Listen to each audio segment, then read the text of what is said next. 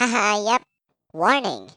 This podcast contains cheesy jokes and sometimes an awkward moment of silence. Listener discretion is advised. di zaman yang lagi awoke ini ya banyak banget yang mulai orang-orang yang setuju sama kekirian, kekananan gitu ya. Tapi apa sih sebenarnya kiri kanan, sosialis, komunis dan kapitalis itu? Kalian lagi dengerin Frivolous Mind Podcast dan inilah dia komunis lawan kapitalis. Mr.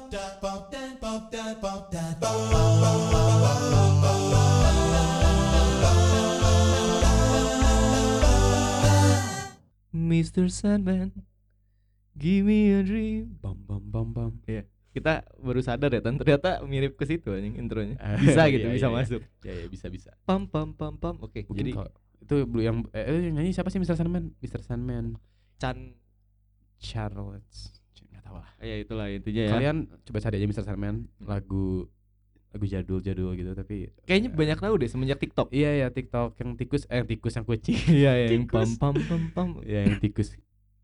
Yang dari ini gak sih yang dari kucing itu bukan sih? Yang kucing TikTok kucing. Iya, iya, iya, Iya iya, kan? iya. Eh ya tapi emang kira-kira ya cari aja lah lagunya ya itu ada. Eh omong-omong lagi nih berarti kan Ngomong-ngomong, hah? Ngomong-ngomong topik kita Oh, topik kita hari ini enggak sih nggak bisa disambungin dengan Mr. Sandman ya ya nggak ada sambungan sama Mr. Sandman sama TikTok dan lain-lain. Tapi Mungkin TikTok masih bisa disambungin deh. TikTok tuh sudah menjadi media politik. iya, konspiratif banget gak sih? Konspiratif Gua nggak pernah melihat ada penggiringan opini di TikTok. Nah, harusnya di- harusnya mulai nih, harusnya kita mulai mencetuskan eh, TikTok politik, TikTok Twitter, woke. Twitter talk, nah apalah. Ya. Eh kiri kanan, kiri kanan. Mungkin eh, sebelumnya nih, mungkin orang-orang ketika lu intro dengan kiri kanan itu tuh lu harus ngasih konteks dulu. Kiri kanan itu dalam konteks apa? Oh, kiri kanan. Terus nanti kita akan bahas kan ternyata bukan kiri kanan saja, ada kiri kanan atas bawah ya iya, kan? Nah, itu sih gua kecanduan dengan eh, dulu pada masa-masanya gua terobsesi dengan kiri kanan atas bawah. Eh, nah, ambigu sekali. Apa ini bahasannya kiri kanan atas Mungkin bawah? kalau paling umumnya kiri itu di Indonesia identiknya dengan apa ya? Dengan eh angkot. mungkin ya. Orang-orang tapi mungkin diklarifikasi lagi kita bukan berbicara tentang angkot. Mungkin ini kenapa listener podcast gua menurun Nih makin sini makin Karena receh. Iya, enggak apa-apa, enggak apa-apa, Ben. Jadi mungkin tergantikan ya listener podcast lu yang awal-awalnya. Iya, Orang-orang- justru dulu kan banyak yang eh, apa namanya? Banyak yang protes. Bukan Oke. protes juga sih, maksudnya teman gua ada yang ngedengar terus dia ngiklanin ke teman-teman lainnya, terus Hmm. teman-teman lainnya ternyata coba mendengar dan nggak ada yang tahan mendengar podcast ini. Zaman Oh, dulu iya. gua ngomong sendiri gitu. ngebul, ya kan? Karena iya bahasanya terlalu berat. Padahal gua udah merasa seringan Iya. mungkin kan di, bahasanya. di sini gue jadi semacam eh, apa namanya berarti ya comic relief Komik relief. tapi nggak lucu juga receh jadinya ya udah Oke, jadi langsung langsung aja deh langsung aja deh kita definisikan untuk eh, pembicaraan kita hari ini apakah kiri dan kanan gitu mungkin Oke. simpel Dan sebenarnya kiri ini entah ya, mungkin eh sebelum kita ngomong apa ini kiri, gua ngelihat fenomena kiri ini mungkin kalau udah ada yang mulai aware maksud kita kiri kanan apa. Hmm. Kiri itu sebenarnya sama generasi boomer sangat Hmm. dibenci, ya sih?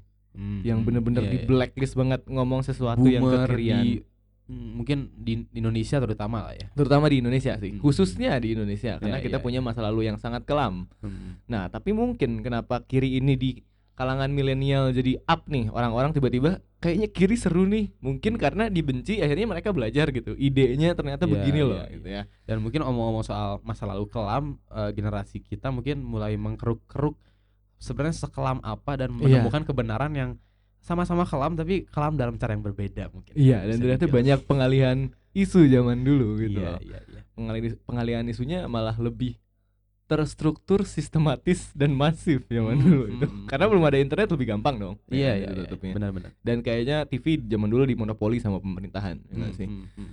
Oke, buat yang sudah notice, kiri di sini berarti adalah eh, paham bisa dibilang sosialis dan komunis, Hmm, hmm, ya. Kiri, jadi kita berbicara kiri dan kanan dalam urusan eh, spektrum politik Iya. bisa dibilang ya. Kiri kanan atas bawah spektrum politik. Hmm. Kalau kanan itu eh, kan kapitalis ya, Iya. demokratis masuk nggak sih di kanan? Di kanan. Kalau itu atas bawah. itu atas bawah. Iya. Oh iya itu nanti kita berarti kiri kanan dulu ya. Kiri Iya, kanan iya, dulu. iya, kita iya. jelasin kiri dan kanan dulu. Hmm, hmm. Ah, kalau kiri coba lu kira-kira bisa mengelaborasikan nggak perbedaan antara sosialis dengan komunis? Hmm. Mungkin sulit mengelaborasikan apa ya komunis dan sosialis tanpa menyentuh atas bawah sebenarnya. Kalau Oke. menurut gua ya. Tapi bisa dibilang mungkin secara basisnya sosialis itu eh, eh komunis itu adalah versi ekstrim dari sosialis. Iya iya iya. Kalau bisa dipersingkat penjelasannya gitu sih. Karena mungkin eh, mungkin udah yang denger ini pastinya udah eh, di atas umur SMP lah ya pasti. Gua eh, terakhir beberapa episode terakhir gue Eh? selalu tulis 18 plus di Oh, episode. oh, oke bagus bagus bagus. Soalnya emang gue juga adek adik kita juga sempat sempat nanya-nanya mau ngedengerin gue mikir-mikir ya ini konten podcast ini tuh cukup No, not Eh, yet. iya. bukan child friendly tapi eh, child apa berarti child enemy ya gitu Iya. maksudnya berbahaya Akan mengabuse childhood memories kali Iya. ya ya ya tapi eh, mungkin kenapa gua ngomong eh, listener di sini pasti eh, minimal udah umur SMP lah ya Mm. adalah karena pasti diajarin lah eh, konsep komunis di SMP Ya, terutama. walaupun jatuhnya mungkin lebih black campaign-nya. Iya ya mungkin Baik. tapi mungkin ada definisi di komunisnya udah diajarkan bahwa komunis adalah sistem ekonomi eh, dalam struktur politik yang eh, mengedepankan kes apa pemerataan apa berarti? Iya, equality, kesetaraan. kesetaraan Nah, kesetaraan atau kesamaan kira-kira kalau Hmm. pahamnya sosialis ini? waduh eh kesetaraan kes- kesetaraan sih karena Mungkin kalau komunis kesetaraan ya. Mm-mm. Kalau- sebenarnya kesetaraan dalam artian tidak ada eh, stratifikasi tapi ada diversifikasi Oke, gimana? Oke, oke, Itu mengerikan. Eh, mungkin kalau di sosiologi nih, ini pelajaran sosiologi juga SMA. Jadi buat yang SMA kalau nggak tahu ini IPS wah parah nih. Iya. Stratifikasi itu adalah pem- pembagian eh, masyarakat berdasarkan kelas. Jadi pembagian yang sifatnya vertikal. Ada ya, yang ya. atas terus makin bawah, makin bawah, makin bawah. Kalau diversifikasi adalah pembagian masyarakat yang eh, dalam satu tingkat. Jadi cuma membedakan ada kelompoknya dan kelompoknya ini, tapi dua-duanya setara gitu. Mungkin kayak pekerjaan ada yang dokter, ada Iya, yang pekerjaan itu berarti tukang mesin gitu kan. Itu diversifikasi. diversifikasi. Iya, iya. Nah, eh tadi masih di ranah mana sih komunis ya? Mhm. Mungkin yang gue lihat sosialis itu lebih ke arah utopisnya nggak sih? Ke arah utopianya. Iya gitu loh. iya. Karena, mungkin kalau tadi kita ngomongin komunis itu kesetaraan, jatuhnya Hmm. mungkin ya dari praktik-praktik negara komunis yang ada dulu sebelumnya jadinya kesamaan. Hmm. Ngerti nggak sih? Iya iya. Maksudnya siapa pun lu dibayarnya Waduh, ada pesawat dulu apa nih? Oke. Kedengeran gak sih pesawat? Pasti kedengeran. Oke. Akan Buat- jatuh kah tidak? Akan jatuh kah? Tidak Alright, guys, tidak. alhamdulillah. Alhamdulillah. Alhamdulillah. Ada gua nyebut. Akhirnya alhamdulillah di podcast ini. Kayaknya ini alhamdulillah pertama di Plus One Podcast. Iya iya iya. Lanjut. Tadi Eh. sampai mana komunis ya? Mhm. Tadi yang gua mendengar eh, yang gua rasa komunis ini sampai sekarang berjalan ya dan so far jatuhnya jadi kesamaan. Mm-mm. Jadi lu siapa pun dibayar segini gitu Iya, loh, iya, ya iya. kan? Dan mungkin jadi yang menikmatinya yang atas-atasnya doang itu ujung-ujungnya yang Mm, memegang mm. kendali di sistem Iya, iya. ini.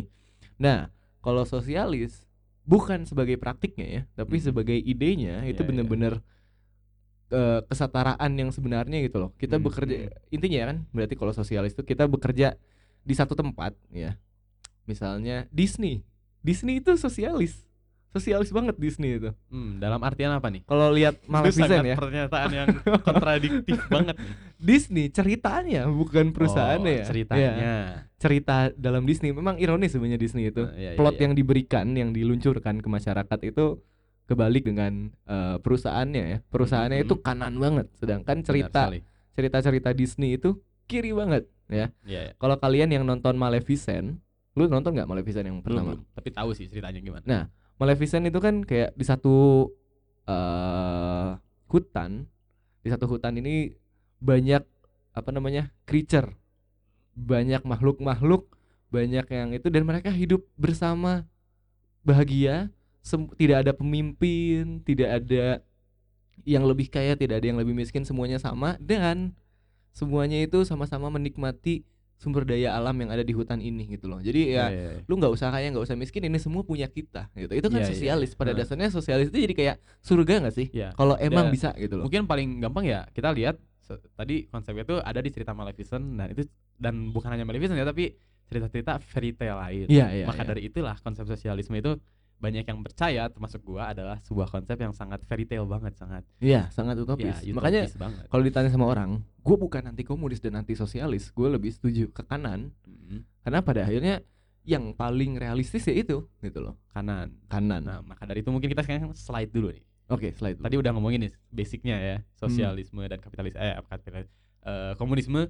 Sekarang mungkin kapitalisme lebih gampang diiden- diidentifikasinya soalnya eh apa ya konsepnya nggak terlalu terbagi-bagi lah. Maksudnya kan kalau tadi ada sosialisme dan komunisme dan Ha, itu ha, ha. itu kalau mau dikeruk lagi lebih banyak lagi sih soalnya banyak lebih banyak figur-figur yang bisa dipinpoint ke teori-teori tentang sosialis dan komunis. Iya, komunis itu naiknya dari si Karl Marx. Iya, tahu Karl dong. Marx. Komunis Manifesto Iya, bukunya. mungkin mungkin Karl nanti Marx. nih kita bahas dulu. Sekarang Oke, kapitalis oke, dulu oke. coba. Oke, coba. oke. Menurut lu kapitalis itu apa sih? Kapitalis sebenarnya kalau pakai bahasa orang yang setuju dengan kapitalis ya. Mhm. Kapitalis adalah sebuah sistem yang memberikan hak yang sama terhadap semua orang untuk melakukan kompetisi jadinya. Mhm. Kompetisi dalam bidang ekonomi jadinya kan iya, jadinya. iya, iya. Dan kayaknya seluruh dunia sekarang walaupun negara yang uh, Se- sosialis ya, Sosialisnya. sosialis sosialisnya dalam lingkup dunia mereka harus ya jadi kapitalis juga Iya, gitu iya, loh. iya. Karena bisa dibilang mungkin negara masih bisa memilih eh, mau konsep ekonominya seperti apa, tapi ujung-ujungnya di eh, di kita sebagai eh, apa masyarakat itu sebagai satu planet ini ujung-ujungnya eh, karena sekarang kita ekonominya sudah berbicara ekonomi global kan. Ya, Dan ha. bentuk ekonomi globalnya pasti akan menjadi kapitalisme karena harus ada kompetisi antar negara nggak sih? Ya. Iya, ha, ha. nggak akan mungkin ada equality apalagi dalam skala per negara gitu. semuanya rata kan nggak mungkin banget gitu. Iya, makanya sekarang ada negara adidaya, ada negara third world country Iya, gitu kan iya, ada iya, kan. iya. Karena itu adalah produk dari kapitalis. Hmm, mungkin third world country bisa didefinisikan dulu nih. Third world country itu bisa dibilang apa ya? Kalau bahasa Indonesianya negara negara kismin. Eh, eh, bisa sebenarnya mirip ke konsep negara berkembang nggak sih? Atau nggak terlalu ya tapi Gimana ya? Third world country itu lebih ke statusnya nggak sih? Iya, Karena iya, iya. banyak negara berkembang tapi tetap nggak third world gitu. Mungkin negara-negara yang kurang terkenal kasarnya. Iya, iya, iya. Kasarnya. Tidak Yang- punya influence lah. Iya, iya, iya. Seperti contohnya negara kita yang dicintai ini. Ya, walaupun kita merasa kita sangat signifikan dalam keberadaan dunia ya, Iya. tapi so far yang gue tahu kalau dalam berita dunia negara kita tidak dianggap. Iya, Iya iya kan? benar sekali. Eh jadi ya mungkin kapitalisme lebih gampang itu. Tapi mungkin sekarang yang buat yang nggak dengerin nih, apalagi belum apa namanya, ya, belum kurang baru pertama kali nih eh, mulai meng apa namanya, ya, mengeksplor hal ini bersama kita sekarang mungkin Ya, sedikit overwhelm ya sedikit apa Oh, iya, iya. susah mengerti. Kayaknya kecepatan nggak? Maksudnya kita Nggak, tapi nah makanya nih gue mau nge-slide ke eh, awal-awal gue belajar ini gue juga bingung tapi yang membantu adalah konsep yang berikutnya nih kita mau ngejelasin tadi kita udah ngomong dikit tentang atas bawah ini. Karena sebenarnya kalau gua pas nge-explore ini emang konsep dari eh, sebuah ranah politik tuh diukurnya bukan hanya kiri kanan. Karena kalau dulu tuh kiri kanan doang. Ya, ha. tapi akhirnya dibuat jadi kiri kanan atas bawah menjadi sebuah Oke. grafik. Itu tuh baru-baru gitu. Teorinya baru populer sekarang mungkin. Jadi kalau eh, ini di rumah yang bingung kiri kanan atas bawah lebih kayak tanda plus ya, lebih kayak iya iya iya. grafik sebetulnya apa ya? Mungkin kayak ini tuh ada websitenya coba gue lu sambil jelasin gue sambil cari Oke. Rumus kayak rumus algoritma gitu nggak sih yang x y, x sama y gitu. iya iya X tuh yang vertikal horizontal sih. X itu eh, horizontal X itu horizontal Iya, ya. Berarti iya. X itu yang miring ya, yang horizontal. Y itu yang tegak lurus kan. Loh, kalian bayanginnya itu sebuah tanda plus. Nah, yang vertikalnya yang dari atas ke bawah itu ya atas bawah tadi. Yang X-nya berarti yang horizontal, yang minggir tuh itu di kirinya adalah uh, sosialisme, di kanannya adalah kapitalisme. Nah, Hmm, atas bawahnya, atasnya adalah authoritarian, ya kan? ya bawahnya adalah libertarian. Apa itu? Dari mana dulu? Dari otoritarian. dulu? mungkin eh, sambil ini gue udah nemuin jadi buat kalian kalau mau ngikutin di rumah sambil biar ada bantuan visualnya bisa langsung ke websitenya ada politicalcompass.org Oke. organisasi dan ini websitenya emang official sama yang em, muka- mungkin bukan mencetuskan tapi entah gimana pokoknya di sini ada banyak notes dari orang-orang yang mempopulerkan teori ini karena Mhm. menurut mereka ini cara yang gampang buat kita diktein gak sih politicalcompass.org? eh, PO analysis if you putting- only take the Hmm. test jadi lu bisa te- bukan hanya lu bisa ngerti lu bisa tes di sini Eh, Oh.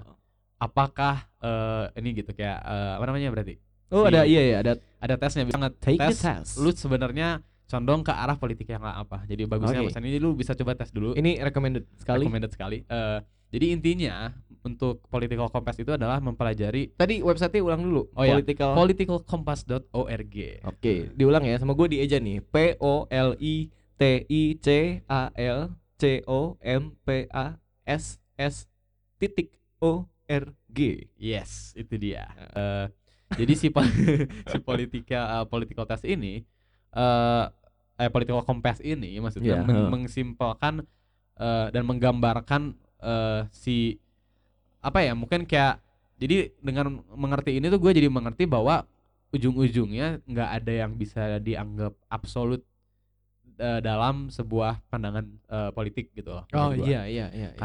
Jadi mungkin dijelasin dulu ya. Tadi kan udah ada kiri kanan udah pada tahu eh, komunis dan kapitalis. Tadi ada Semoga ya.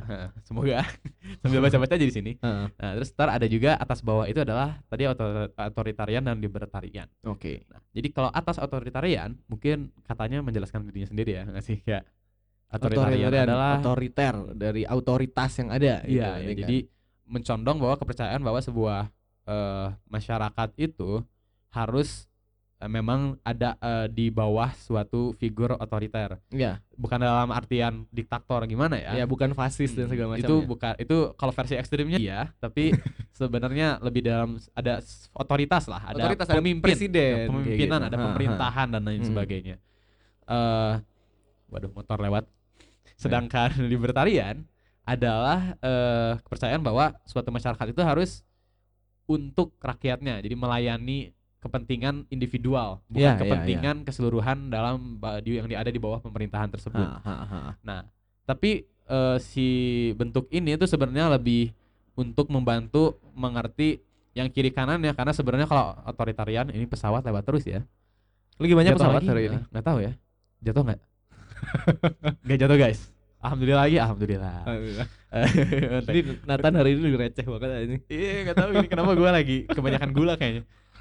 Eh, jadi otoritarian dan libertarian eh, itu adalah ke- eh, kita kalau memakai konsep ini dan digabungkan dengan konsep yang tadi nih kiri Hmm, kanan hmm. akan dibagi jadi empat ujung-ujungnya. Iya iya iya. Eh, ada bisa dibilangnya jadi kalau mau simple adalah otoritarian kiri, otoritarian kanan, Ya, libertarian kiri, libertarian kanan berarti. iya. ha. Nah, tapi ini jadi lebih spesifik lagi dalam artian kita mungkin kaji satu-satu aja ya. Hmm. Kalau tadi lu ngejelasin nih negara-negara kebanyakan eh, kanan kan? Ya. Tapi pasti yang banyaknya sekarang ada di di kanan atas alias otoritarian kanan.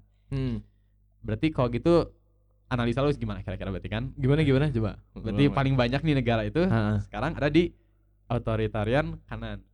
Iya iya iya. Berarti Karena- kapital kapitalis otoritarian gitu Heeh, kan. jadi kapitalis tapi masih eh, bergantung dengan bukan bergantung ya, tapi hadirnya tuh di bawah figur pemerintah yang cukup hadir gitu, yang cukup terlibat dalam Iya, si iya. kapitalismenya. Karena pertanyaannya apa tadi ke gue?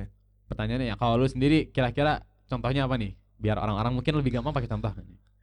Negara-negara yang paling gitu nih kira-kira.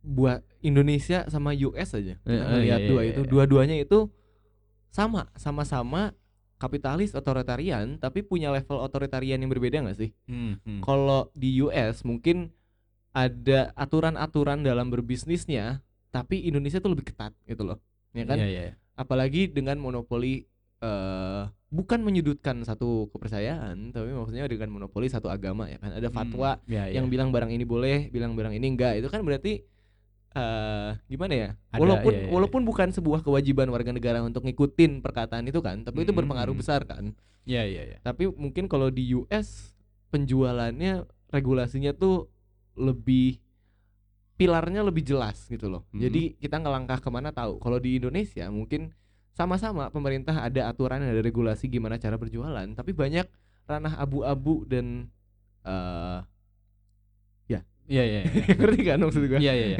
Ini gue juga baru ingat nih ya. Gue tuh sempat ngebahas ini ternyata. Gue gue baru ingat di di Instagram gue jadi versi singkatnya lah dari dari website ini. Oh iya, gue belum Iya. pernah Oh, eh ngepromosiin Instagram. oh ya udah nggak apa-apa nih. Instagram gue adalah Aditya Nathan. Gimana nulisnya? Aditya Nathan H. Adit ya masa gua harus nge-spell juga Aditya Nathan Nathannya pakai H ya jadi oh iya, ntar ntar kan kalau gua ya. upload gua tag. Iya iya lu tag Heeh. aja. Eh, itu ada di highlightnya lu bisa cari yang highlightnya judulnya topik satu eh, political compass. Nah itu gua semacam ngeringkas ya jadi buat yang mau ngebaca yang singkatnya bisa dari situ. eh jadi tapi gua lanjutin aja tadi contohnya benar ya Amerika karena Hmm, Amerika tuh bisa dibilang kan eh s- mungkin ke sana orang-orang bakal lihat Amerika tuh sangat membebaskan rakyatnya kan. Iya, Oh, heeh, freedom of speech country Ah, of ah. land of the free gitu kan. heeh. Heeh. Tapi sebenarnya ujung-ujungnya semua itu harus meng, apa namanya meng- membantu agenda negaranya gitu. Ya, intinya kayaknya semua negara itu pasti, cen- Pasti condongnya begitu, ya, pengen ya. kanan kiri condongnya pasti ke Heeh, atas iya, gitu iya. loh. Nah. Karena ada payung hukum kan. Iya iya benar sekali. Dan kalau sekarang kita eh, kaji lagi nih yang lainnya, otomatis kenapa makanya musuhnya Amerika untuk sekian lama mungkin sampai sekarang adalah Rusia. Ya. Karena Rusia apalagi waktu itu waktu musuh eh, zaman-zamannya perang dingin menganut eh yang namanya adalah kiri otoritarian. Yang Iya, tadi kita ha, bahas ha, juga ha, adalah ha. komunisme.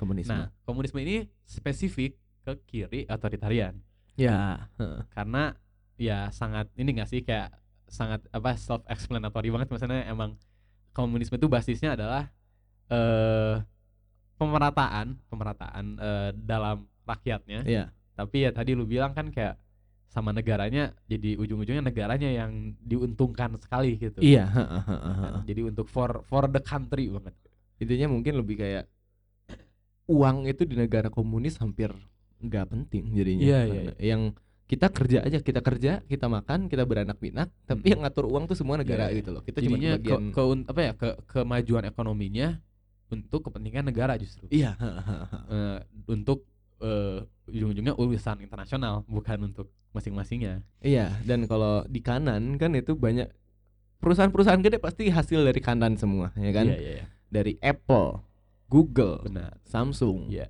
Itu kan semuanya perusahaan kanan tuh ya. Hmm. Kalau itu dikuasai sama perusahaan kiri pasti gimana ya? Nggak akan ada. nggak Soalnya akan yang ada. tadi lu sebutin semua adalah perusahaan swasta. Iya, dan makanya kapitalis itu paling realistis ya perkembangan ekonomi dan teknologi. Jadinya gara-gara ada karena Iya, ada sistem iya. kanan ini enggak Benar, sih? Benar sekali. Kita bisa memperkaya diri akhirnya kita bisa berinovasi Iya, lagi, iya. berinovasi Itu mulai lagi, ke emang argumen-argumennya pasti ketika lu udah mulai mempelajari ini lu akan bertemu dengan orang-orang yang mulai memihak-mihak gitu kan. Pasti argumen-argumen dari orang-orang yang pro kapitalisme itu adalah itu pasti kayak Iya. ujung-ujungnya kompetisi menghasilkan motivasi. Iya. sih? Gue gue setuju kapitalis sebetulnya. Iya, Kalau dari iya, gue iya. sendiri ya, karena gue pengen kaya, men. Ya, dan menurut gua sih, nah banyak yang gua suka tuh sindiran-sindiran orang adalah kan ada ya orang-orang yang pro komunisme yang tadi lu Nah, bilang nah, kan banyak nah. ya, apalagi generasi kita Iya. dia pro komunis, oh komunis itu lebih bagus gini gini. Tapi itu ironis tuh selalu adalah orang-orang seperti itu ujung-ujungnya dia nulis itu di Twitter tuh dari Apple eh dari uh, iPhone-nya dia. Iya, iya, iya. pakai bajunya juga dia pakai baju H&M. Jadi kayak Iya, Kang pengen join apa? Pengen join kalau enggak I wish I live in Stalin era gitu. Dia bisa Iya. hidup di zaman-zaman Stalin. Tapi tweeted for eh tweeted from Twitter from iPhone gitu. Iya, tweeted from iPhone, pakai bajunya itu ah pokoknya eh mungkin maka maka dari itu ya kebanyakan akhirnya jadi ganti kan. Tadi bukan komunisme, mereka lebih sosialisme dan Bilangnya sosialisme sosialis. itu kayak pergantian nama biar lebih Nah, sopan iya. aja dikit. Nah, sebenarnya sosialisme itu akhirnya jatuhnya bukan menjadi eh, kiri otoritarian tapi kiri libertarian.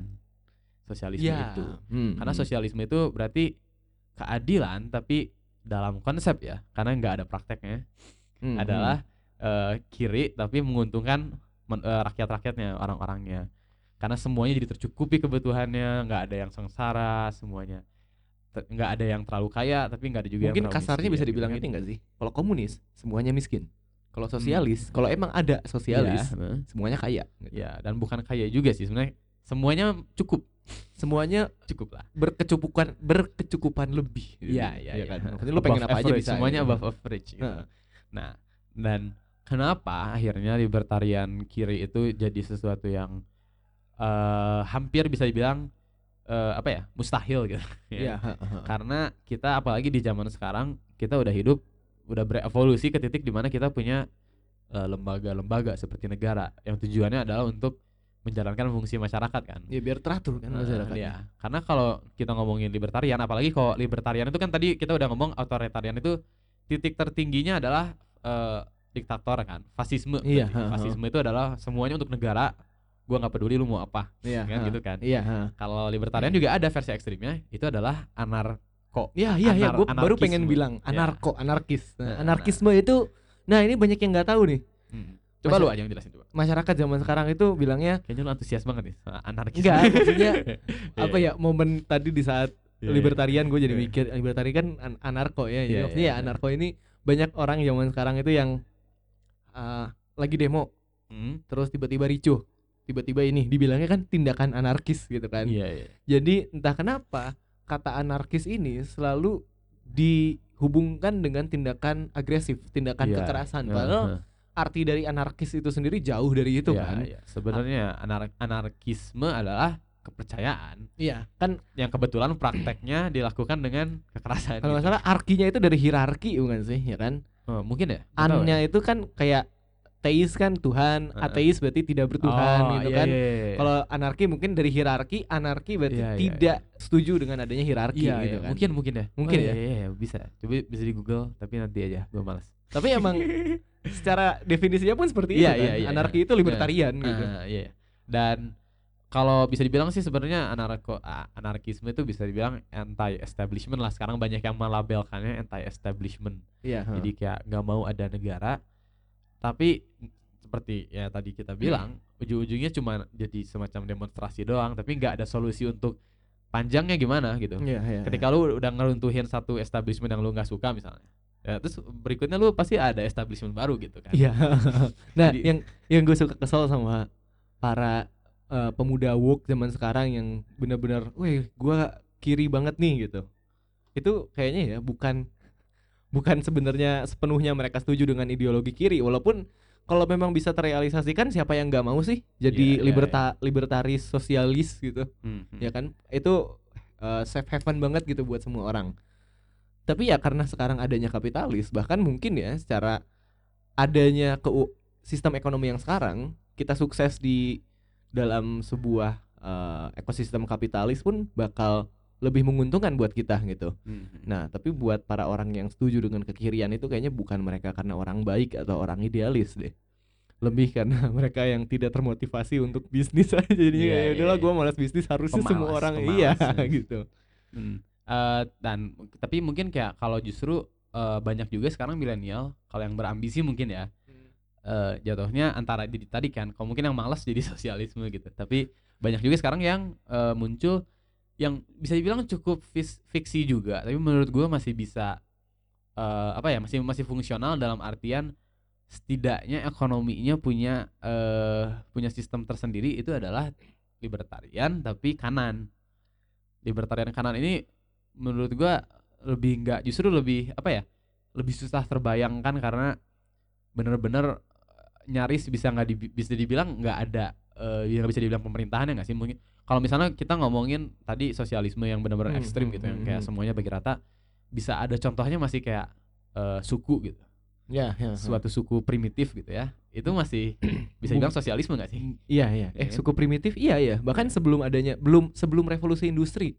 Sebelum zaman Adam Smith tuh, sebelum ada uang. Iya ya Sosialis kan? Sebelum Iya, ada iya, uang iya. tuh ya kan. sebelum ada Lu uang. kerja untuk makan dan semua orang makan gitu kan. Hmm, hmm. Tapi semenjak ada eh, revolusi industri, Iya. di situ Hmm. mulai kapitalis lagi kejem-kejemnya tuh. iya iya Dan kalau mungkin yang pure sosialis sebelum adanya kerajaan, berarti emang jauh sebelum Homo sapien iya iya. benar-benar berevolusi ya kan. Gitu Masih ya. hunter gatherer itu pure sosialis. Iya, Kita iya, hidup nyaman banget gitu lu kalau Iya, pengen iya, gitu. iya, iya. Tapi semenjak ada satu kerajaan di situ memonopoli udah sosialis, Iya, tapi otoritarian. Iya, Jadi komunis. komunis. gitu. Wah, berarti kita mem- memecahkan bahwa kerajaan tuh komunis, guys. Cuman Eh, mereka belum tahu aja. iya, iya, mereka iya. udah cool before it was cool. Hmm. Tapi mungkin kalau kerajaan lebih nggak mungkin ny- komunisnya lebih ekstrim lagi dalam artian setidaknya kalau komunis masih harus ada formalitas lah. Karena kan labelnya komunis nih, tetap Ah, tetap ah, intinya ah. kesetaraan rakyat, jadi masih dibagi-bagiin. Kalau kerajaan kayaknya benar-benar buat raja aja gitu, masa bodoh rakyatnya kayak terus nggak ada yang ngekritik lagi kan, Iya, soalnya iya. udah Ha, bukan lembaga itu cuman Ah, kayak karena benar-benar zaman dulu kebenaran dibuat oleh raja. Iya benar sekali. Buat sama raja dan sahabatnya. Iya. Tapi gua nggak mau ngomong nanti kontroversial.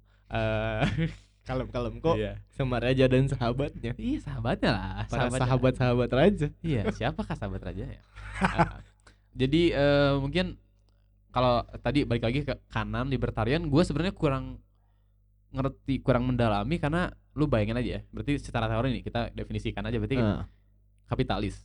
Tapi ada pers- negara. pers- ada persaingan, Mm-mm. tetapi tidak ada lembaga yang mengatur persaingan tersebut. Gue kayaknya kebayang sih, tapi masih kayak jadi sci-fi banget.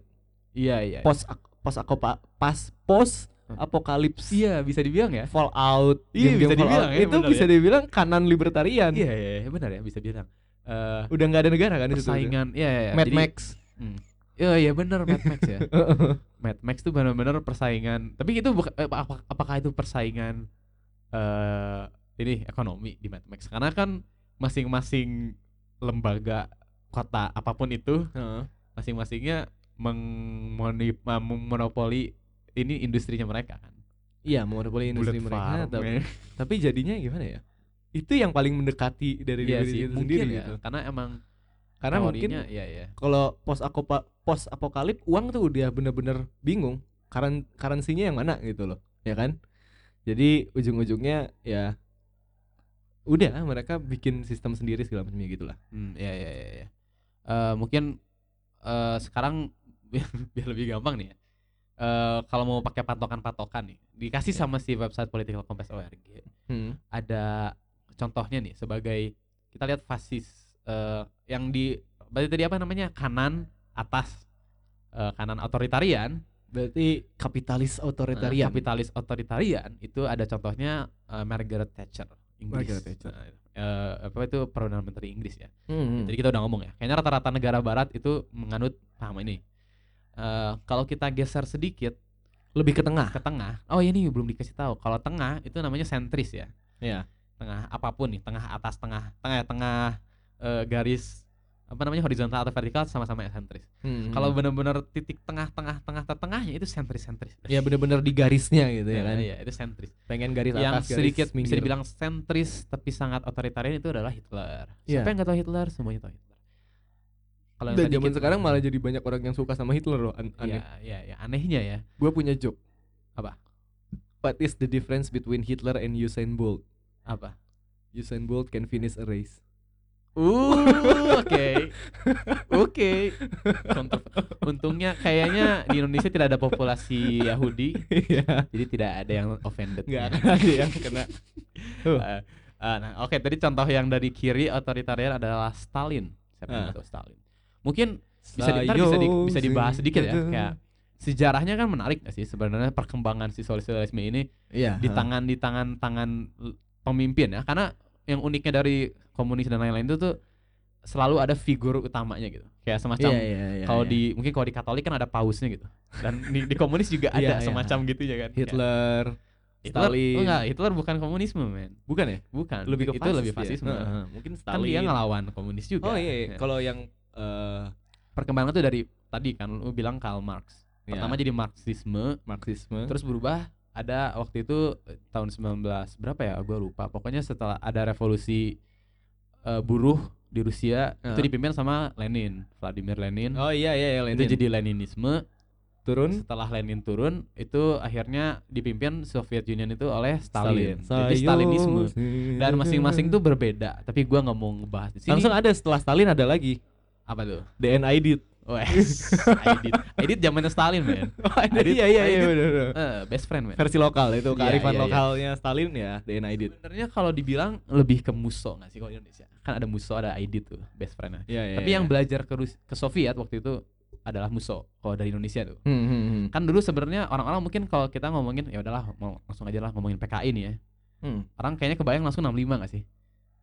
Ya kan pastinya kan langsung Iya ke iya iya. 65 iya. kan ketika ha, bahas PKI kan. ha, ha, ha. Padahal justru PKI itu kan udah ada dari dulu banget dan Iya, udah ha. pernah ada pemberontakan juga tahun 1928. Iya iya. Dan itu banyak orang nggak tahu. Iya banyak kayaknya nggak tahu dan waktu 1928 inilah baru kayak eh setelah itu eh berkelana lah Musso ke tanah Rusia Iya iya. mempelajari lah sosialisme dan baru comeback lagi tahun 65 Eh, ya jadi mungkin eh, segitu aja sih kalau mau lihat-lihat lagi nih tadi gue juga ngomong lu tes aja di politicalcompass.org ini kayak promosi banget Tapi menurut gua kayaknya harusnya ini diwajibin gitu loh kalau menurut Iya. gua karena Episode ini dipersembahkan oleh politicalcompass.org. banyak. Iya, iya bener banget. Karena pertanyaannya nggak politik kok. Lu nggak akan nggak usah ngejawab kayak banyak pertanyaan yang politik, tapi ada pertanyaan-pertanyaan yang personal juga sih yang Iya, kayak ah, ah. urusan eh, kebebasan apa namanya berbicara kayak free speech kayak tentang Iya, iya, iya. seksualitas. Intinya ada, bahasanya agama. common lah.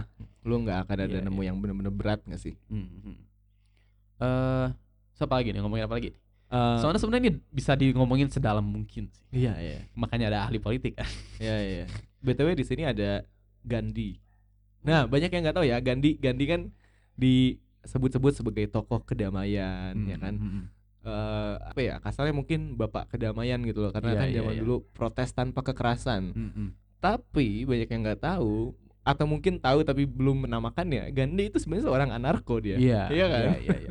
Anarko yang damai. ya kan? Anarko yang damai. Karena anarko an iya sebenarnya anarkis itu kenapa diasosiasikan dengan kekerasan? Karena biasanya pihak otoritas itu tidak akan meng apa namanya menghira akan menghiraukan ya, hal-hal yang sifatnya tidak dengan kekerasan ngerti nggak sih kayak Hmm. kalau ketika ada kekerasan yang dilibatkan baru mereka akan serius menanggapi itu gitu kan biasanya. ha, revolusi ha, ha, itu kan basisnya itu ya Hmm, hmm. Gandhi ini kan simpelnya eh, waktu India masih dalam kekuasaan Inggris, iya ya kan? Dan dari situ sebenarnya emang banyak birokrasinya lah untuk memut itu Gandhi itu memprotes monopoli apa sih dia garam atau apa sih si Gandhi itu? kurang nge- belum pernah baca sih Ya, intinya Gandhi. eh untuk Gandhi bisa mencapai kedamaian itu sebenarnya banyak birokrasinya gitu loh, banyak yang harus dia Hmm, hmm. capai ada sistematisnya tuh mau gimana dulu gitu loh tapi Gandhi nolak saya nggak mau makan saya diam aja gitu terus banyak mendukungnya terus akhirnya ya ya udahlah gitu akhirnya dikasih lah gitu nah. Ini gue mau nyari lagi nih contoh-contohnya mungkin biar lebih kebayang ya. Soalnya sebenarnya ini banyak yang bahkan kalau lu nyari gitu di Instagram atau apa banyak yang jadi semacam meme page Iya, tapi iya, isinya cuma political joke terus pakai pakai political compass ini banyak banget nah, sebenarnya. nah iya dan orang banyak yang hmm Hmm. berarti Ya, mungkin kalau lu nonton Game of Thrones ini kan lu nonton Game of Thrones. iya iya Orang-orang juga mungkin yang dengerin banyak nonton Game of Thrones.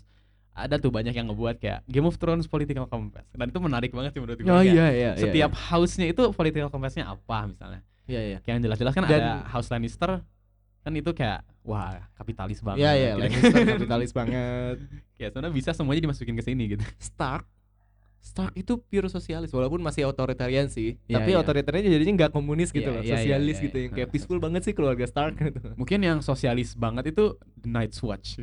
ya nggak sih? itu sosialis banget. iya iya mereka atau, narko atau The Wildling lah. Wildling itu sosialis tuh. Wala- iya, walaupun Wildling, terakhirnya unite ya, jadi Iya, ada iya. otoritasnya di situ. Hmm, Tapi ya mungkin awal-awalnya sebelumnya ya, tribal kan dia. Eh Dothraki. Dothraki, Dothraki, Dothraki itu. Khal Drogo itu kan eh, sebenarnya semacam sosialis lah. Ya, ya, ya. Kan adil, lu bisa jadi leader kan asal lu kuat. Mm-mm. Tapi satu-satunya di Game of Thrones yang komunis ya jatuhnya. Komunis, fasis, tapi nggak ada konflik di Mhm. komunitasnya cuma satu. apa? Si eh itu apa namanya Nightwalkernya, zombinya. Uh, iya iya. Iya kan? Iya iya iya. Itu si Night Kingnya mau ke mana? Ayo ke sini bunuh ini. Mereka nurut-nurut aja gitu Eh, kan. Kalau itu bisa dibilang nggak sih masyarakat atau itu kayak droid itu kan sebenarnya robot sebenarnya intinya. Iya iya. robot dan Nightbot. Oke, coba coba kita cari-cari nih contoh-contohnya. Oke, Wah, ini ini ada yang versi ekstrimnya justru ini nih. Semuanya ada di kanan atas ya. by the way, Iya ya. Rusia itu demokratis. Sekarang. Iya. Atau sekarang kan? Sekarang, Iya, sekarang. Iya, iya. Maksudnya sekarang tuh banyak orang yang masih bilang Rusia itu negara sosialis enggak. Hmm. Bahkan kemarin jadi singkat cerita gua ketemu sama orang dari Ukraina, Iya. ya. iya. eh, nama dia Konstantin, semoga dia mendengarkan. Kalau mendengar apa? Kalau mendengarkan pun sebenarnya dia nggak- akan ngerti. sih, ya. Tapi kalau dia mendengarkan, hai gitu. Iya. dia kan kita cerita banyak terus gitu terus Iya. gua kan kayak ya ya Rusia ngomongin Rusia apa terus dia eh, akhirnya dia ngomong kan did you know Russia is democratic country right oh iya iya tapi emang demokra negara demokrasi sih cuman Iya, karena presidennya itu aja 20 tahun kayak orang kan jadi Iya, iya. hmm, Dan gitu. ujung-ujungnya sebenarnya sebagaimanapun negara itu ingin memposisikan diri dia political compassnya apa, Iya. pasti ujungnya bergantung ke leadernya lagi. Kayak Amerika aja eh, mungkin ketika zamannya Reagan gitu eh, tahun 80-an itu sangat amat kapitalis gitu kayak mungkin dulu lebih mengedepankan kapitalisme ta- pas 80-an karena lagi genting-gentingnya perang dingin dan lain-lain kan. Jadi eh, tapi ya macam-macam gitu dan sekarang sih sebenarnya ya political compass ini tuh banyak banget subdivisinya lagi yang gua nggak ngerti yang bener-bener kayak neo capitalism dan Iya, iya. dan itu gua nggak mau nyentuh karena gua nggak punya ilmunya Dan ini eh buat yang ngerti joke ya, Putin itu bapak pembangunan Rusia. Yes, bapak pembangunan Udah Rusia. 20 tahun dia, iya ya kan. benar 10 tahun lagi berarti 10 tahun lagi, guys. ah, tahu tahu aja Frivolous Mind podcast hilang aja nggak nggak update Enggak episode deh, lagi. kayaknya sekarang sudah tidak bisa lah sekarang Indonesia itu sudah bergeser oh iya. ha. lebih kayaknya sekarang Indonesia lagi banyak permasalahan tentang free speech gitu kan Iya. ha, ha. dan mungkin ya podcast kita mungkin sebagai salah satu yang ingin memperjuangkan free speech-nya ya. Iya. Dan eh ngomong-ngomong free speech, apa bahas di episode lain aja ya kalau Hmm. free speech? Oh ini yang menarik nih.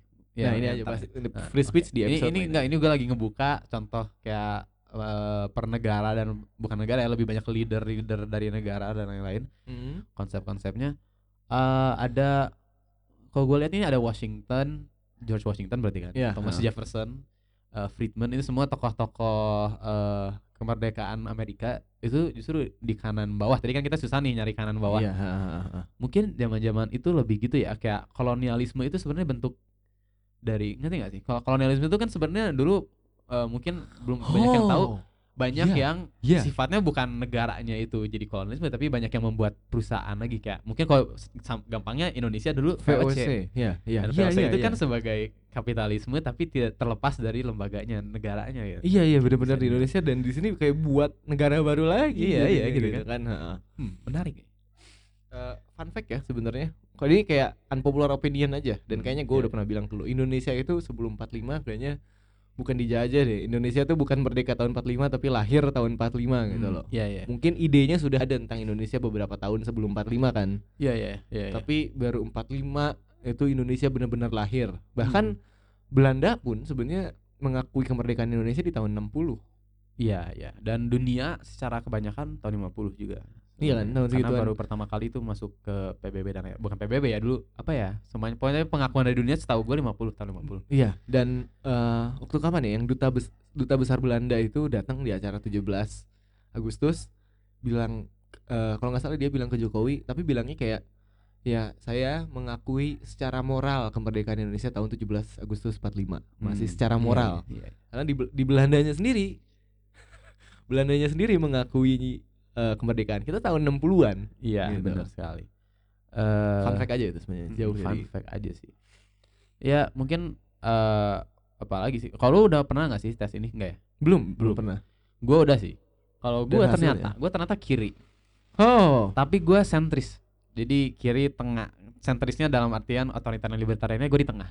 oke. karena mungkin karena emang gue sendiri percayanya sih gue emang pro dengan keadilan ekonomi lah ya Oh, Hmm. bisa dibilang gini nggak ya dengan adanya budaya individualis itu mendorong kapitalisme juga karena kap- Iya, iya. kapitalisme kan individualis banget kan iya iya kalau sosialis kan bener-bener emang budaya kita nih ya Indonesia itu sebenarnya ya kapitalis tapi dalam subkultur subkulturnya sosialis banget gitu loh keluarga kan ini ada kas keluarga ini Hmm, hmm. acara keluarga tuh ya pakai semuanya bareng-bareng uang bareng-bareng Iya, gitu kan iya, iya. kalau di luar kan enggak ya uang gue ya uang gue gitu nggak ada Hmm, uang keluarga iya, iya, ini iya. uang gue gitu kan iya iya Indonesia tuh ya sebenarnya ujung-ujungnya kenapa mungkin sekarang yang dikait-kaitkan dengan komunis tinggal negara-negara kayak Cina terus kayak dulu kan Vietnam segala karena mhm, emang mhm. di Asia itu lebih appealing tuh konsep eh, sosialisme gitu Iya, karena heeh. Asia tuh sangat kayak mungkin kalau udah pernah dengerin Cinema Live Podcast Wah, The Farewell. episode episode The Farewell itu udah dibahas. keluar emang? Oh iya, iya belum ya? Belum keluar. Nanti ini enggak ketika ini keluar itu udah keluar. Oh iya iya. Gue iya. janji. Oke. Jadi eh The Farewell eh, kita dari situ ngebahas kan kayak di Asia itu lebih for the people gitu kan. Iya, For the people tuh dalam artian bukan for the person in for each person in that people tapi for the people as a whole gitu. Iya iya. heeh. Jadi lebih mungkin lebih appealing buat mereka gitu kan. Iya. Dan mungkin yang gua rasa ya, kenapa di Indonesia maksudnya sekarang banyak anak-anak woke tapi tiba-tiba oh, gua kiri banget nih kayaknya. Karena mungkin setelah kita banyak bisa menggali sejarah itu bener-bener emang menjadikan PKI ini full sebagai apa namanya pelaku jahatnya banget gitu loh Jadi kambing hitamnya jadi sih? kambing hitamnya Iya. banget gitu loh padahal ternyata pada kenyataannya tidak sekelam itu dan mungkin setelah mereka menemukan ya para anak-anak muda menemukan kenyataan oh ternyata masa lalunya itu begini nggak sekelam ini gitu loh mungkin Hmm. mereka jadi kayak Hah, kayaknya komunis seru nih gue jadi komunis aja deh gitu Iya iya. Gue mau nyari sih sebenarnya menurut gue sih ini kayaknya bukan konsep yang baru buat anak-anak eh kuliahan lah di Indonesia karena menurut gue di kuliah-kuliah udah banyak yang berbicara tentang ini kali ya kayaknya sih. Kalau gue yang apalagi teman-teman gue ada temen kayak di kuliah yang lebih sosial, misalnya kayak ilmu pengetahuannya gitu, kayaknya Ya, udah lebih banyak yang berdiskusi. Kalau lu sendiri kayak di kuliah lu enggak ya? Enggak Apa, terlalu apa? Enggak terlalu kayak ngediskusiin banget gitu kayak political compass itu enggak ada ya? Enggak, ah, kebetulan banyak eh, teman-teman dari fakultas gua malah depresi karena kuliah kuliah. Jadi bro nggak akan mikirin itu. mempelajari mental being eh mental health ya malah rusak juga healthnya Iya makanya kayak mungkin yang banyak tuh setahu gua di UI gitu ya kayak itu- mungkin ya lebih ke yang jurusan politik banget Hmm, gitu loh hmm, hmm. Hubungan Ya politik, politik, ataupun HI, ekonomi ha, ataupun hukum gitu-gitu lah. ini bahasan seperti ini akan banyak dibicarakan di situ jadinya Hmm. dan eh, apa lagi yang Hmm. bisa kita bahas Mungkin gua mau ngomongin sedikit sih karena kata kiri dan kanan bahkan ketika ngomongin politik itu juga ambigu dengan ada juga kiri dan kanan yang wing, left wing, right wing itu beda Oh, lagi kan. iya iya iya Kalau nah ini gue suka ketukar jadi gue cek dulu. Tapi setahu lu right wing, left wing itu berarti lebih apa nih? Lu tahu kan? Tahu yang yang yang gue tahu ya Iya ya. left wing itu ke arah konservatif Iya ya. Kalau nggak salah, ini gue tuh suka ketukar. Left wing itu konservatif ya? left Tapi- wing itu kalau nggak salah Coba konservatif coba gue cek dulu sambil lu kalau konservatif lu jelasin ya. Jelasin dulu, gue cek dulu. konservatif di sini berarti baik dalam ranah budaya atau kepercayaan itu masih bener-bener kental banget di situnya gitu loh. iya iya. Eh, Social equality Nah, ini, ini, ini. hierarchy coba eh sedangkan kalau yang right winger ya emang woke gitu loh iya iya iya. ya kan yang Woke. mulai bener-bener liberal. Nah, liberal. Intinya. liberalnya tapi eh, belum tentu right winger itu Hmm. libertarian ngerti gak sih gua? iya Ya iya, kan? iya, iya. itu adalah dua dua tema yang berbeda gitu Eh tapi enggak loh. Kebalik kebalik men. oh kebalik ya Iya ya, kebalik. Jadi left wing itu eh liberal. Nah, oh liberal. left wing liberal kanan berarti konservatif ya Iya iya, right wing itu ya ya. Soalnya di sini sih kalau yang gue tangkap dijelasin adalah eh, left wing has been applied to broad range of movement including civil rights movement, feminist movement, anti-war, environmental. Jadi kayaknya itu ya ya ya. kayaknya left wing itu yang liberal. Eh jadi ya dan tapi menurut gua yang unik tuh ini tuh semacam spektrum sendiri lagi tapi sebenarnya bisa dimasukin ke Iya. yang tadi kompas tadi tapi menurut gua nggak fully bisa dimasukin ke salah satu ranahnya gitu kebayang nggak kalau kita se ekstrim ini terus bikin Tinder Hmm, hmm. di bio-nya I am a left winger authoritarian kapitalis. teman teman gua ada tuh yang kayak gitu dan lebih lebih parah lagi Oh, lebih iya. bener-bener kayak yang neo konservatif anglo apa apa udah teo- udah wah teoritis banget gitu kayak Ada- tapi nggak di Tinder sih di yang Tinder. yang lucu ya, yang lucu ya di eh, society kita, apalagi di generasi kita nih ya, iya ya mungkin umur dari 18 sampai eh, umur 18 sampai mungkin 27, 25 Iya, iya, segituan iya. ya. Heeh. Itu kayak ada spektrum baru orang yang disukain tuh bener-bener yang kayak bahasanya kompleks dan kayak pinter banget nih orang kayak Heeh. langsung jadi orang tuh adore gitu. Mungkin bergeser zaman dulu tuh bener-bener kalau cewek itu yang feminim, cowok itu yang maskulin, full Iya, maskulin, iya, iya, sporty itu jadi Heeh. kayak idaman banget. Tapi di zaman sekarang banyak banget yang kayak wah dia pinter Ya, jadi ada. istilahnya tuh kan itu tuh yang smart is the new sexy Iya iya apa sih ya kalau nggak salah sapioseksual bukan yang nggak tahu sih ya, yang kayak ya. Uh, aroused by intelligent apa Oh, ada kayak ada, ada ada. Itu baru lagi Jadi kayak itu gimana oh, caranya interesting. Jadi ini mungkin kayak flirtingnya dengan apa ya kayak teori-teori apa tuh yang kayak ya flirtingnya eh kayak, sama dengan mc kuadrat oh. Coba gitu dong aku menemukan Oedipus kompleksku Wah. kayak wah. apa itu Oedipus kompleks? Ya, itu di episode lain. Iya. Fotosintesis itu pakai klorofil. Wah, langsung. Wah. Gue jatuh cinta. All Ya. all I know for sure all, all I know for sure is that I know nothing oh gila. filosofis gue suka Ya, makanya mungkin kenapa ya? Mungkin itu alasannya generasi kita banyak yang jadi jatuhnya pretentious tuh. Gimana tuh? pretentious tuh mungkin nggak ada bahasa Indonesia-nya tapi itu sebenarnya kata yang gue sering pakai pretentious adalah orang yang eh ingin terlihat seperti dia punya apa ya pengetahuan atau makna dalam dalam segala tindakan dan pemikirannya Iya. tapi tujuannya hanya untuk itu gitu ya hanya untuk kelihatannya seperti Iya. itu. tapi mungkin iya mungkin dia emang bener pintar tapi sifat dia sangat menunjukkan itu akhirnya dia Iya, pretentious Gua kadang gimana ya, suka jadi cringe sendiri gak sih? Maksudnya kayak ada orang yang walaupun mungkin fase ya, gua pun dulu mungkin Iya, seperti iya. itu. yang Kayaknya kayak- semua orang bakal. Gue Iya. juga dulu ya.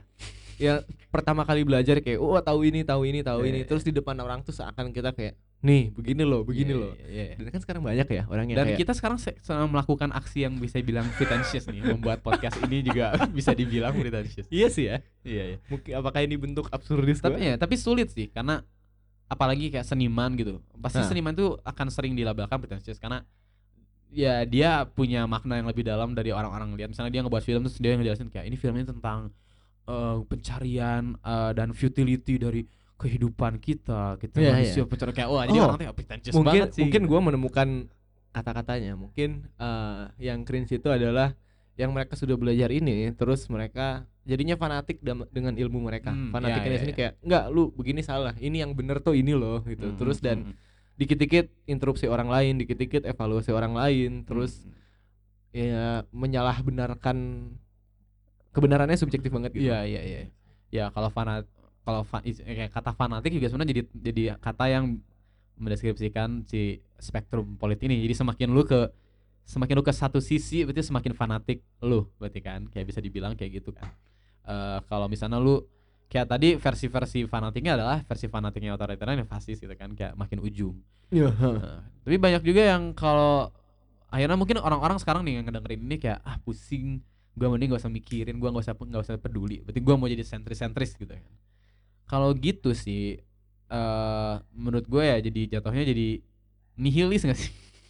Atau apatis gitu kan? Apatis sih. apatis ya Kalau mungkin- nihilis ya. Nihilis itu setelah lu bener-bener pernah memihak segala arah tiba-tiba kayak "Ah, anjir ternyata semua wow. pertama kali petir ada di podcast kita Tadi gue sampai mana? apakah ini adalah tanda-tanda dari Tuhan kita tidak boleh memulai ini dihukum, diazab. Eh, Azab seorang podcaster. Tadi lagi ngomong podcaster apa? ngomongin komunis kesambar petir azab episode sekian eh iya tadi mungkin apa tadi eh, nihilisme ya Oh iya, Iya. mungkin nihilis itu yang udah bener-bener berkelana ke semua arah politikal kompas Eh. dan kayak mereka pada akhirnya kayak ah shit ternyata semua itu cuman konsep dan meaningless gitu loh. Ujung-ujungnya iya. gua bakal gini lagi, ujung-ujungnya semua bakal gini lagi gitu. Terus Hmm. akhirnya mereka jadi sentris-sentris. Ya, Bukan ya. karena mereka apatis, tapi karena mereka sudah belajar semuanya dan semuanya shit gitu. Ya, memang kayak kalau teman gua sih yang udah lebih dulu dari gua mempelajari ini bahkan dia sampai berarti dia lebih tua dari gua berapa tahun ya tapi dia udah bahkan lebih muda dari gua aja dia udah mulai dari SMA segala dia udah mulai baca-baca dan lain-lain kayak Hmm. Eh dia emang ngejelasinnya dengan gitu sih. Simpelnya tuh pasti orang tuh ada fase-fasenya awalnya mempelajari ini tuh oke mempelajari ini. Terus dia mulai memihak satu. Dia akan mulai menemukan yang dia setuju itu Ya, yang mana. Terus ntar dia kayak oke gua mihak ini.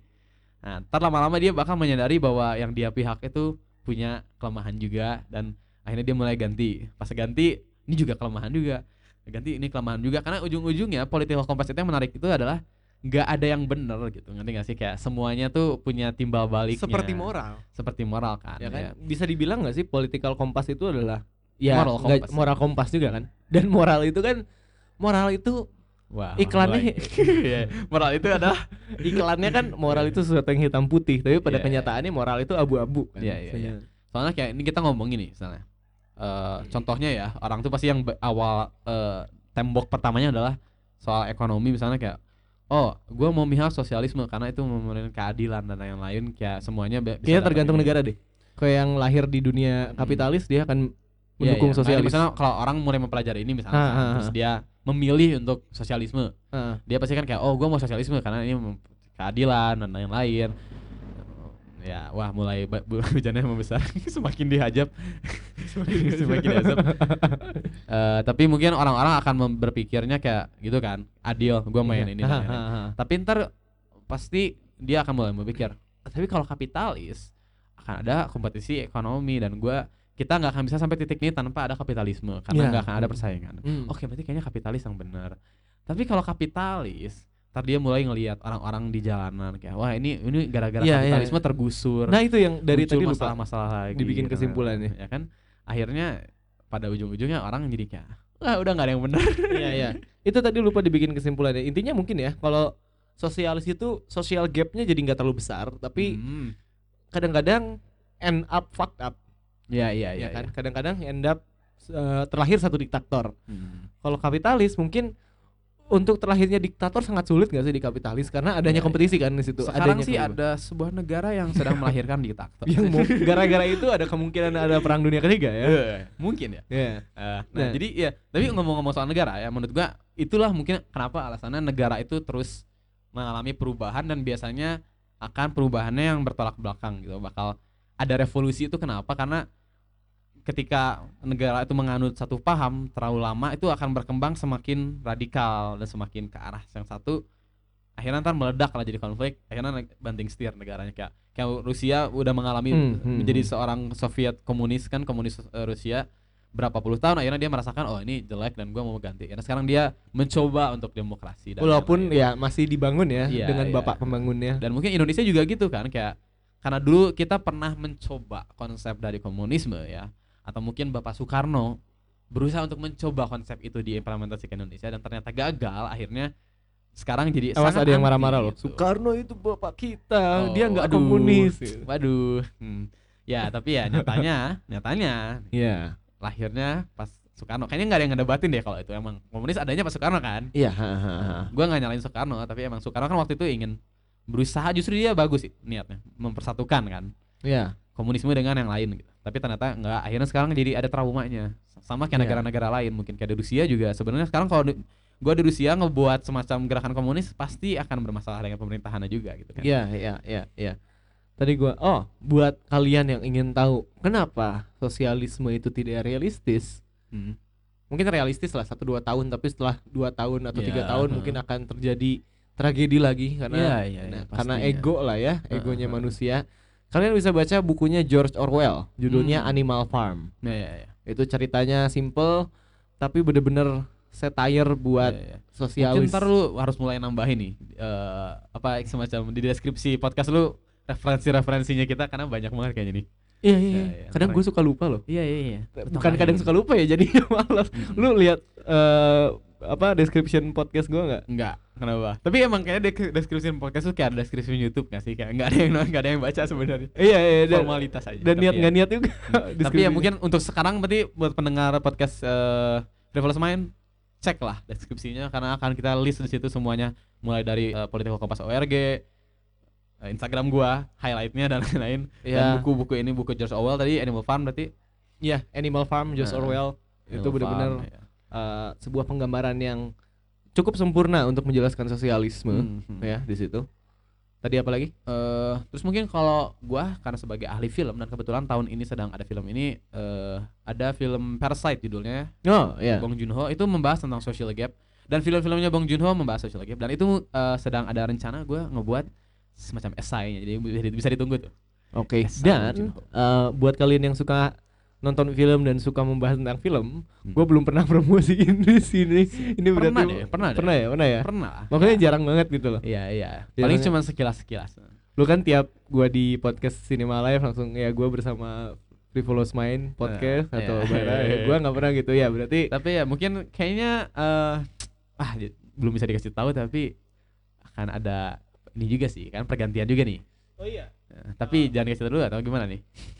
Kasih mungkin Teaser. teaser Hint, ngepick aja. hint. Intinya akan ada perubahan besar. Iya. Podcast ini mungkin menghilang, mungkin berfotosintesis. Heeh. Bukan fotos apa namanya kalau Mungkin. kupu-kupu tuh. Ah, bermetamorfosis. Iya, akan adanya metamorfosis Iya. mungkin ya. Mungkin ya. Dan Mungkin. Dan balik lagi tadi ya buat yang suka ngobrol tentang film, suka ngebahas tentang film dan pengen tahu arti sebenarnya dalam film di balik sebuah film yang kalian tonton bisa eh, ngecek Instagramnya Maratusan Films pakai S ya. Ya. Maratusan Films itu nggak pakai spasi juga dengerin podcastnya Maratusan Films yaitu Cinema Live podcastnya. Cinema Live Iya, iya. podcastnya Cinema Live. Cinema Live Heeh. L I F E. Iya. Eh, dan tapi mungkin buat nambahin lagi nih teasernya mungkin eh, sekarang eh, ada dua podcast ini kalian bisa dengerin tapi mungkin nanti akan tidak serepot itu ya untuk Iya. mendengarkan bahasan tentang film dan juga tentang hal-hal seperti filosofi dan politik dan sosial dan segalanya seperti ini di Fear Plus Mind. Iya. Dan kalau kalian tidak menemukan update lagi setelah episode ini atau tidak ada update lagi di Cinema di Cinema Live dan tidak jadi ada metamorfosis dari ini, entah kita mungkin menghilang entah kena, ke mana, Nah, mungkin kesambar petir. mungkin Mungkin. kesambar petir, Mungkin. mungkin diculik siapa. Mungkin, mungkin juga. Karena kayaknya pembahasan ini cukup wah, Iya. Ya iya, sih? iya. Pembahasan episode Tapi ini. menurut gue udah banyak sih, udah banyak percakapan tentang ini dan menurut gue penting sih ada percakapan ini dan Iya, eh, heeh. apalagi di generasi mungkin generasinya kita sudah lebih jauh lebih interest untuk terbuka dengan percakapan ini. Iya, Ya nggak? tapi ngerasa nggak sih? Mungkin di negara kita ya, Hmm. untuk ngebahas kayak gini, kita masih banyak menggunakan apa namanya? Eh, seperti metamor eh metamor apa? Metafora. Kiasan, metafora ya. Jalannya belok-belok. Heeh. yang menggunakan banyak kiasan karena entah kenapa ya, harusnya negara kita kan mendukung free speech loh ya, Iya, iya. kebebasan berpendapat, tapi entah kenapa kita masih merasa takut untuk pendapat. Iya, iya. Hmm, mungkin ya. Apakah kita penakut atau ada yang salah dari negaranya nggak tahu ya. Hmm, hmm. Ya, well, eh untuk apa on that note berarti mungkin eh, sekian ya nggak sih? Ya, Sekian. sekian dari podcast ini. Ada Eh, kesimpulan nggak? Kesimpulannya ya apa ya? Kayaknya setiap semua episode kita, eh episode Frivolous Mind ya, maksudnya terutama kesimpulannya adalah pada ujung-ujungnya tidak ada yang salah, tidak ada yang Ya. benar. Tidak ada. Selalu begitu. eh. kebenaran itu subjektif. Ya. Semenjak adanya kebenaran, kebenaran itu sendiri sudah mati. Hmm. Wah, asik. Dan pada ujung-ujungnya di mana ada politik akan selalu ada kesalahan, di mana ada masyarakat akan selalu ada kelemahan. Di- tidak ada bentuk masyarakat bahkan sosialisme pun yang seutopik mungkin Ya, akan ada masalah-masalah yang timbul. di mana ada moral, di situ ada kecacatan juga. Dan mungkin eh, oh ya mungkin buat pendengar-pendengar juga yang udah coba-coba political compass dites segala Ah. langsung kasih tahu kita mungkin ya mungkin bisa ada dis- diskusi-diskusi lagi Oh iya lebih bisa diskusi atau bisa ternyata beneran ngedengerin ini bisa langsung tag gua dan Eh, Nathan atau tag Nathan Nathan doang eh, boleh, tag gua ya, juga boleh. eh. Langsung nanti siapa tahu kita repost kita bahas lagi Kita atau repost. kalian pengen datang ke podcast kita boleh. Mungkin itu boleh banget dan mungkin ke depannya akan lebih banyak seperti itu. Amin. Amin. Amin. Amin. Uh, amin. Alhamdulillah. Amin alhamdulillah aduh. Gua Ya Yarhamukallah. Oke. Eh sekian. Goblok. eh, sekian gua Aditya Nathan. Eh, gua Bara, terima kasih yang sudah mendengarkan sejauh ini. This is Frivolous Mind Podcast and as always, thank you.